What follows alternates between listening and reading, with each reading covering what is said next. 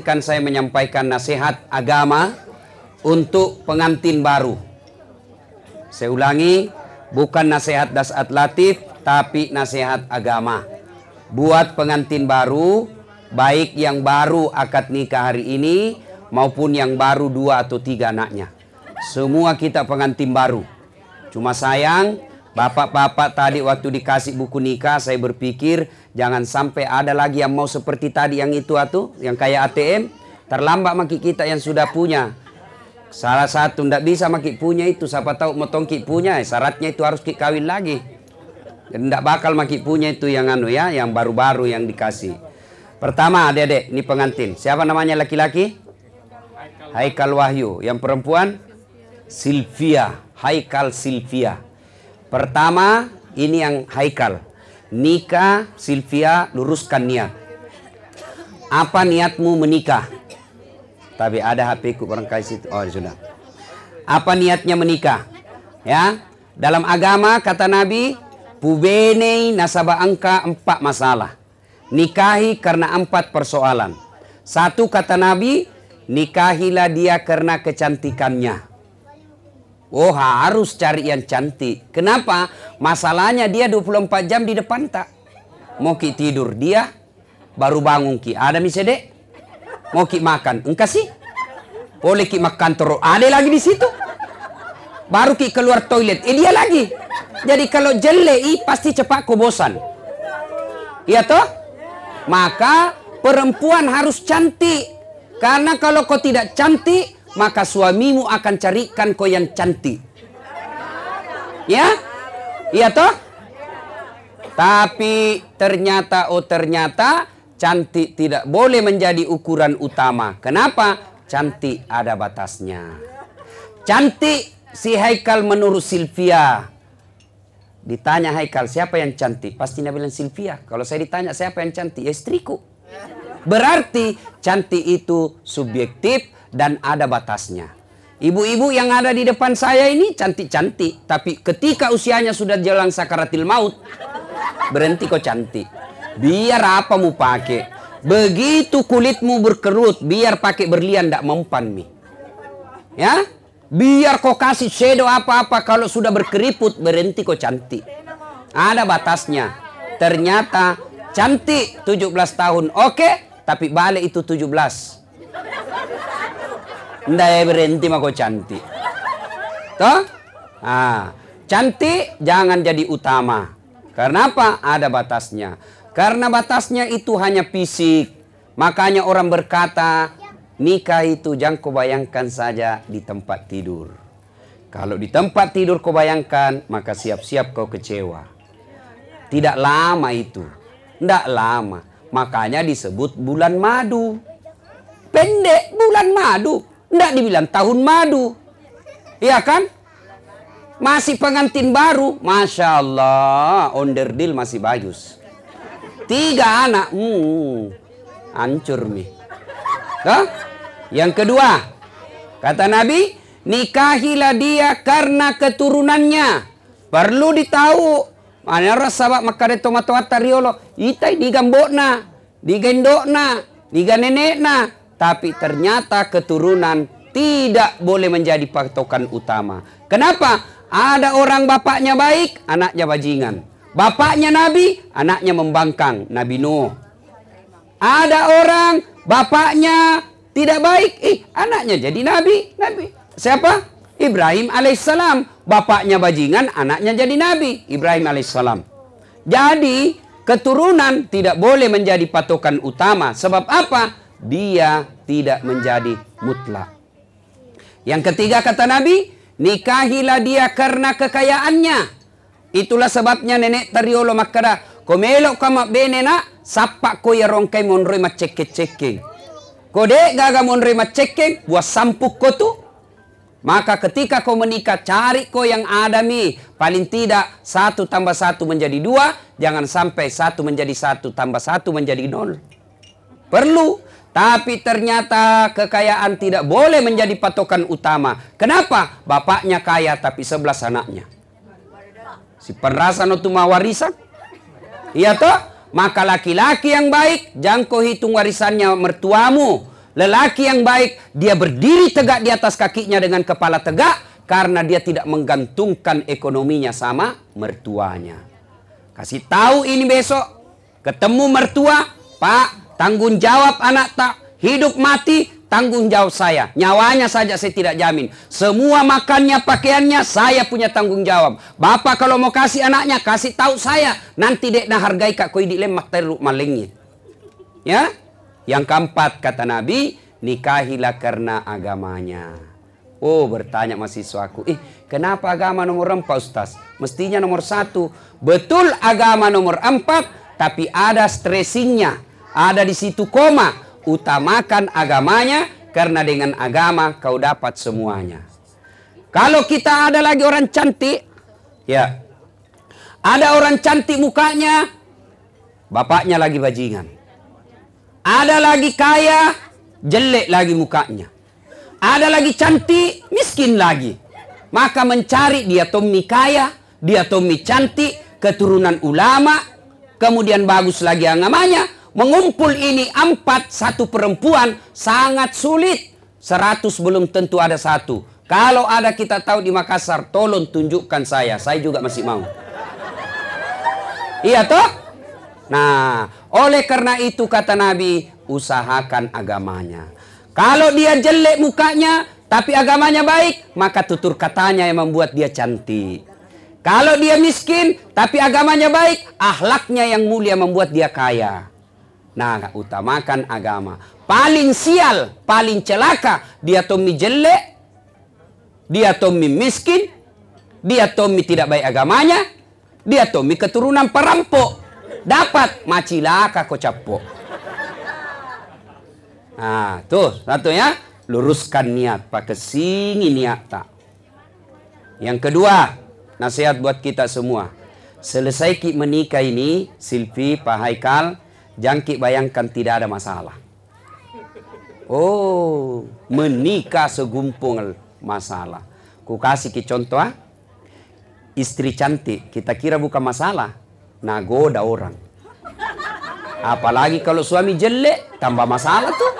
Hmm, coba. Berarti bagus kalau jelek istri. Jelek istri, nah hina orang. Kita malu jalan sama dia. Dulu sama kode, nanti di pesta kita ketemu. Sampai Mina bilang, mana sama pak? Nah bilang, tidak jadi mencere-mencere kak. Eh, coba. Cantik istri masalah, jelek istri masalah. Eh, tidak ada orang tidak ada masalahnya. Selesai kita menikah ini, Sebelum menikah apa masalah? Diterima tidak lamaran? Diterima selesai masalah, masalah muncul, uang panai. Iya toh? Sudah diselesaikan uang panai, apa itu nanti pesta? Sudah selesai pesta, baru mau dibayar sisanya. Iya toh? Tidak ada orang tidak ada masalah. Sudah kelar semuanya, apa? Hmm, apa? Baru kita dapat masalah. Mau tongki punya rumah. Sudah beli rumah, cicilan menunggu. Tidak ada orang tidak ada masalah. Semua orang punya masalah. Nah, Alhamdulillah, jangankan kita Nabi. Ada ndak yang kalah ibadahnya Nabi? Kira-kira ada orang lebih hebat ibadahnya dari Nabi? Nabi paling bagus ibadahnya. Kira-kira ada ndak yang punya doa semakbul doanya Nabi? Tidak ada. Nabi paling baik doanya, paling bagus ibadahnya, tidak ada dosanya. Apa tidak ada masalahnya dalam hidup? penuh dengan masalah, diusir dari keluarganya, di Mekah diusir, kemudian dalam rumah tangga beliau pernah difitnah, Aisyah dituduh selingkuh. Itu nabi. Apalagi tentara. Eh, pasti. Baru ki buka kamar, naik spanning, buka kamar, menelpon komandan. Eh, cepat kau lapor, siap komandan. Lari, tidak jadi masuk kamar. Coba, penuh dengan masalah. Selesai kita menikah nanti ni Silvi, Pak Haikal pasti penuh masalah. Yang tadi waktu nak kita pacari bagus semua bicaranya. Tabe di di mana kika kanda rinduku sayang salam sayang selalu mm. dulu sudah ada anak satu tatumpu apa nak bilang di mana nu simpan matanu dongo. Hmm. Masuk masuk mana nih tuh aslinya? Keluar nih semua aslinya. Hah? Baru keluar. Maka ketika ada masalahmu dalam rumah tangga Dinda, Pak Haikal dan Silvi, rumusnya kata Allah dalam Quran, jangan kau buka TV, jangan kau buka medsos. Rumusnya dua, ista'inu bisabri wassalah. Sabar aku, sabar aku. Yang kedua, perbaiki solatmu. Sayang seribu sayang, ibu-ibu ada masalah tidak sabar. Tiba-tiba nak dapat mi aslinya suaminya baru. Uh, menyesal kak menikah sama saya. Coba ku tahu begini. Tidak mau kak. Apa lagi tidak mau nak dua mi anakmu. Sudah sabar. Sabar saja. Tidak ada mi kala itu rumus sabar. Hah? Bu, bu. Suami tak ternyata tidak seperti yang kita bayangkan. Kita bayangkan seperti sifatnya Rasulullah. Kita bayangkan gagahnya seperti Syahrul Khan. Ternyata mirip Sahrul Khan tapi ketika Sahrul Khan lagi buang air besar. Oke okay lah. Ada masalah. Sabar. Kala itu sabar. Tidak ada kala itu ilmu sabar. Bapak juga kita bayangkan istri tak baik bicaranya. Kita bayangkan istri tak bagus ahlaknya. Ternyata hancur jauh dari harapan. Maka rumusnya sabar. Tidak ada mikala itu ilmu sabar. Tidak ada kalah. Bagaimana memunculkan sabar itu? Resepnya ketika ada masalahmu. Jangan kau bandingkan keluargamu dengan orang lain. Jangan kau bandingkan rumah tanggamu dengan rumah tangga orang lain. Karena masing-masing pasti ada masalahnya. Ada orang ibu-ibu bilang, ih Ustaz, bahagia rumah tangganya itu Ustaz. Aku bilang, dari mana kisah dia tahu? Kina bilang, ini lihat kita wa Facebook nah Ustaz. Fotona deh mesra-mesra nah. Oh di Facebook. Iya be, fotona mesra nah. Aku bilang, sini ibu.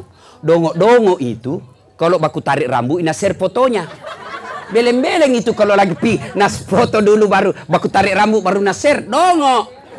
Pasti tiap mesra-mesra. Ya, hati-hati. Kalau ada orang di Facebooknya selama ini tidak pernah kita lihat foto-foto sama suami istri, tiba-tiba muncul suami istri mesra, biasanya sudah selingkuh itu orang begitu. Hati-hati. Ibu-ibu, ndak pernah nak bawa foto suami tak, tiba-tiba bawa foto, hati-hati. Saya na orang nak bilang kat temanku, Ustaz, nak bilang kat temanku, Ustaz, kenapa itu tidak pernah kulihat foto di dompet istri tak? Kenapa tidak pernah tahu itu kita ada foto-foto di wallpapernya tak? Aku bilang, malah aku apa? Aku hafal di mukanya. itu yang tidak hafal muka istrinya, itu yang selalu bawa foto. Hati-hati ibu. Jadi kalau selalu ada wallpapernya itu ibu, jangan kita terlalu cepat bangga. Nah lupa muka atas suami kita.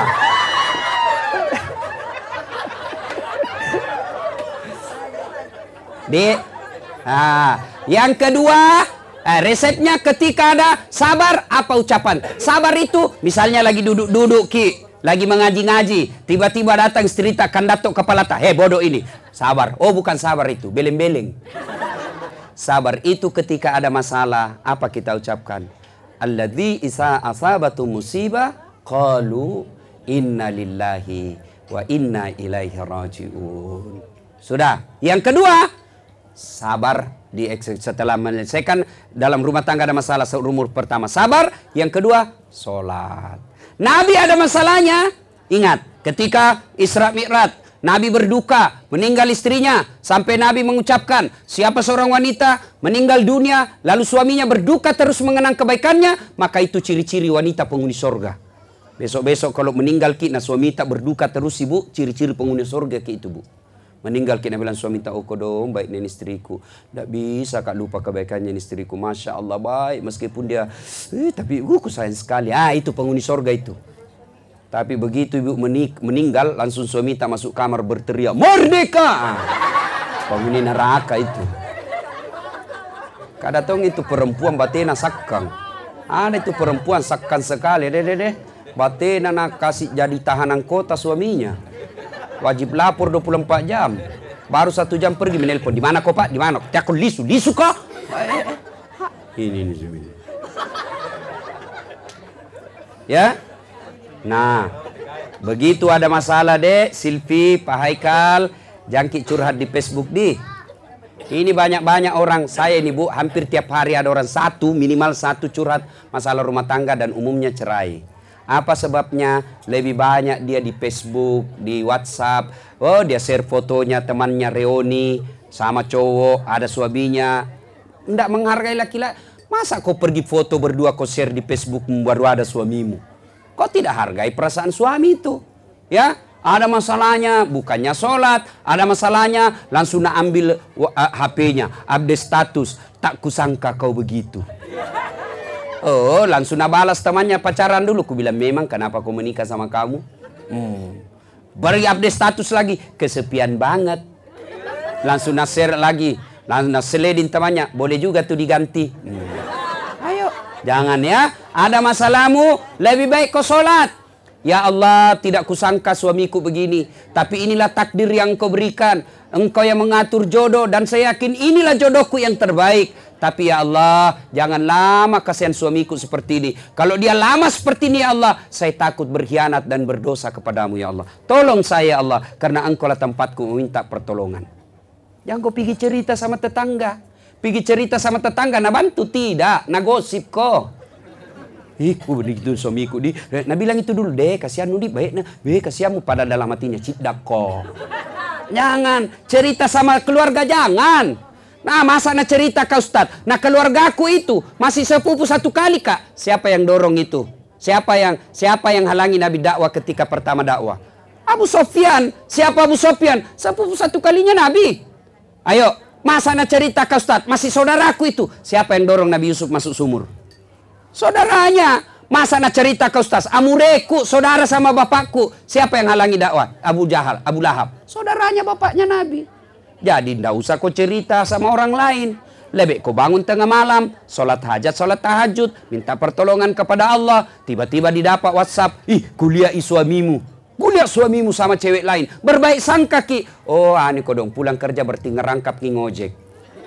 Tenang perasaan enak nih perasaan.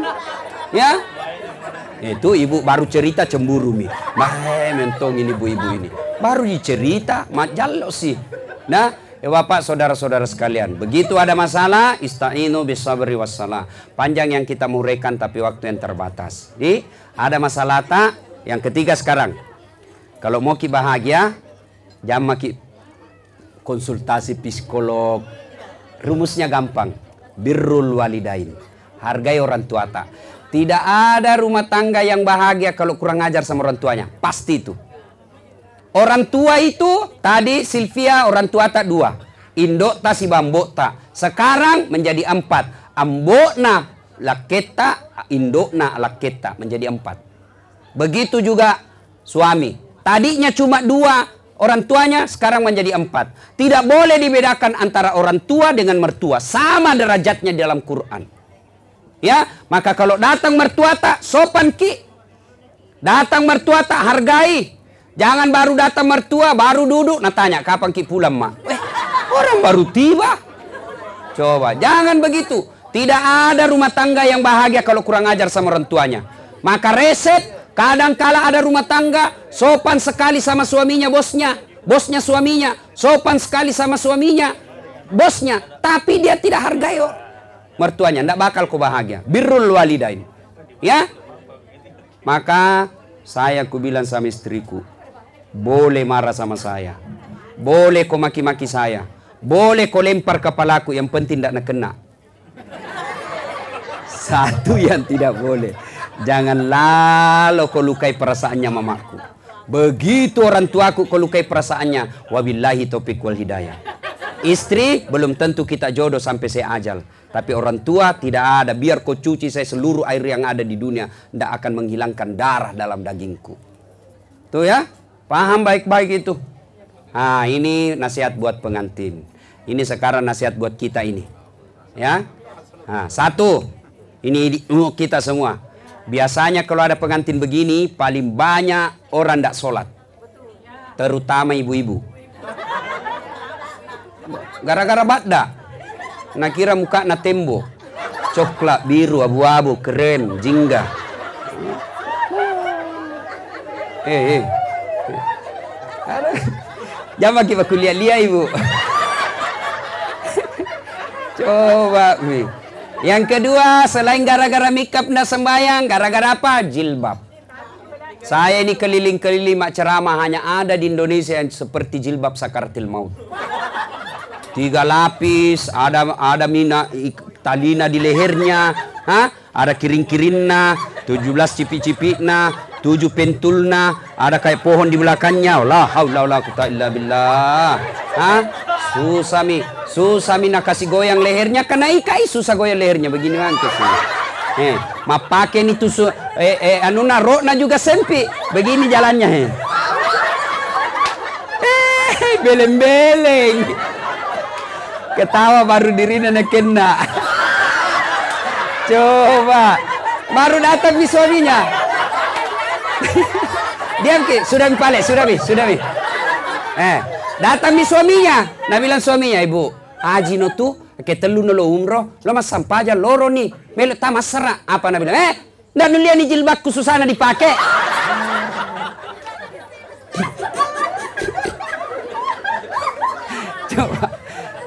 Ibu, boleh dandan tapi jangan sampai tidak sholat. Dandanannya lipstiknya jangan sampai yang tidak bisa menembus air. Karena nanti kalau ibu wudhu tidak kena itu bedaknya terlalu tebal, dia begini saja mau wudhu eh. Uh, telur ratus sebuye. Coba, tidak sah wudhunya. Jadi bagaimana caranya Ustaz? Wudhu ki dulu. Wudhu dulu, baru make. Sudah itu tahan kentut. Kabiar sudah ki make. Batal. Nah bilang dah habis Ustaz sedikit jika keluar tetap batal. Jelas ya? Jelas. Nah, yang kedua, biasanya kalau ada cara begini banyak yang apa? Datang bawa dosa, pulang bawa dosa. Kenapa dosa? Nah celah semua orang. Mulai kuenya orang nak celah. Nah buka. Dia nak cerita tapi mata dan bibirnya dong. Nah. Hmm. Nah celah. Hmm. Kayak basi nih. Baru membungkus. Itu biasa kalau pika pengantin. Kulihat-lihat saja mak doko si ibu, eh mak doko si. Nah kasih masuk tu di tas nah lihat-lihat dulu. Dia dah tahu ada CCTV. Nah kasih masuk tasnya. Hmm. Ibu-ibu Columbus. Tahu Columbus? Kelompok ibu pembungkus. Bu, bu, bu, bu. Halo bu. Tak boleh membungkus ya. Bu. Tak boleh ibu bungkus kalau ada cara pengantin. Kenapa? Haram. Sama mencuri. Ya, kenapa tidak boleh bu? Orang sudah hitung tamunya. Tamuku 300 dengan kue saya sediakan begini. Kalau membungkus ki semua, masih kasih yang punya tamu tidak cukup makanannya. Ya, yang ketiga, biasanya kalau ada cara begini banyak praktek mubasir. Ada itu mubasir, itu terutama air gelas. Belum pi habis todok misalnya, belum pi habis tusuk lagi, uang semua itu. Ya, satu tusuk ji mau makan sate, nah ambil dua. Begitu sudah dipiring bekas, tidak ada mau makan meskipun ibu sudah tidak sentuh. Lebih baik nombo. Jangan ambil berlebih. Mana mi juga yang porsi mengamuk. Bocor lah haula. Dia tak masiri. Masiri-siri saya kini temana kita weh. Oh, pekampu-pekampu. Coba ya. Jangan ya. Lebih nombo. Karena itu ternyata kue-kue di pengantin saya rasakan kadang enak di mata, tidak enak di leher. Bagus sekali, dikira kue, ternyata ikan. Ada kan begitu. Saya juga pernah kejadian temanku, nakira mie, ternyata apa itu? Mangga dikasih model seperti mie. Begitu nama Ustaz, kecut. Ku bilang mangga itu. Nah, maka jangan langsung ambil, tidak jadi kau makan, sia-sia orang. Di. Nah, yang berikutnya, kalau ada pengantin begini, biasa juga banyak yang tersinggung pulang. Kenapa tersinggung? Merasa tidak diambil, bindak dilayani. Deh, jauh-jauhku dari Pindrang, jauh-jauhku dari Bone, sewa mak mobil kodoma panter, nginap di hotel, jutaan uangku habis. Ndak nabati-batika yang punya cara. Yang punya cara kasihan banyak tamunya. Mungkin nak urus ki semua, nak tudangi ki tidak. Mengerti maki saja. Eh, pulang pecuk Dah mama lagi batiku beli tomat baju baru ndak nambe kasoti. Be, gara-gara soti na pecu. Ini juga tukang soting, jangan ku baik-baik ku ahlaknya, ya. Yang punya kamera, hargai tamunya orang. Kadang kala kau kasih pantat, marah orang. Kameramen yang profesional itu menghargai tamunya orang. Dia sudah sebelum mulai acara, dia sudah tahu di mana posisinya nanti. Jangan nanti masuk tamunya orang kau kasih pantat, pasti tersinggung kalau dia orang terhormat. Singgih ki pak, singgih ki pak. Eh tidak boleh. Di situlah profesionalnya seorang kameramen. Dia bisa tahu di mana posisi yang ideal. Ya, nah sudah. Nah, banyak yang kita mau sampaikan tapi waktu yang terbatas. Insya Allah lain waktu dan kesempatan ya. Saya ini nak tinggalkan mak pesawat pak. Pesawatku jam 12. Wabillahi taufiq wal hidayah ini habis mi. Saya dikasih tahu jam 10 sudah selesai acara Ustaz. Ternyata jam 11 baru mulai. Apa boleh buat ya? Nah, ada yang saya lupa. Ini Bapak pengantin laki-laki, Pak Haikal. Besok kalau marah ki, gampang bilang talak. Di? Begitu Pak Haikal bilang talak, tidak boleh dimain-mainkan itu. Kata yang tidak boleh dipermainkan laki-laki dan perempuan kata talak. Ya, kalau bapak bilang saya talak kok, jatuh talak satu itu masih boleh ki campur. Malam sejuk, dingin, baku peluk, eh masih boleh. Tapi kalau dia bilang saya talak kok, lima menit kok, talak tolak kok, jatuh talak dua. Nanti bapak boleh campur, nikah dulu. Ada mahar, ada ijab kabul, ada saksi, Nah, panggil orang tuanya, nikah ulang, baru boleh campur. Kalau Pak Haikal campur tidak nikah ulang, berzina namanya. Ya, jangan gampang bilang talak. Nah, kalau dia, saya talak kok. Lima menit, uh, talak tolak kok. Keluar dari put, talak kok cilaka. Talak tiga. Nanti boleh campur, kita cerai dulu dia, Kemudian ini menikah dengan laki-laki lain, ternyata tidak baku cocok dengan laki-laki tersebut, dia cerai lagi, maka dia bapak harus menunggu tiga kali dia haid, baru nikah ulang, baru boleh. Itu kalau talak tiga. Ya, eh, ndak belum pijatu sertifikatnya di pengadilan agama. Itu urusan waris mawaris di dunia. Urusan yang saya sampaikan tadi adalah urusan akhirat. Jadi jangan gampang bilang talak. Bagaimana kalau perempuan Ustaz bilang talak talak talak talak talak Ah, biar sampai di atas pantana. Kenapa? Hak talak ada sama laki-laki, bukan sama perempuan. Demikian mudah-mudahan ada manfaat. Lebih dan kurangnya mohon dimaafkan. Non wal kalami misturun billahi fi sabilil haq. Assalamualaikum warahmatullahi wabarakatuh.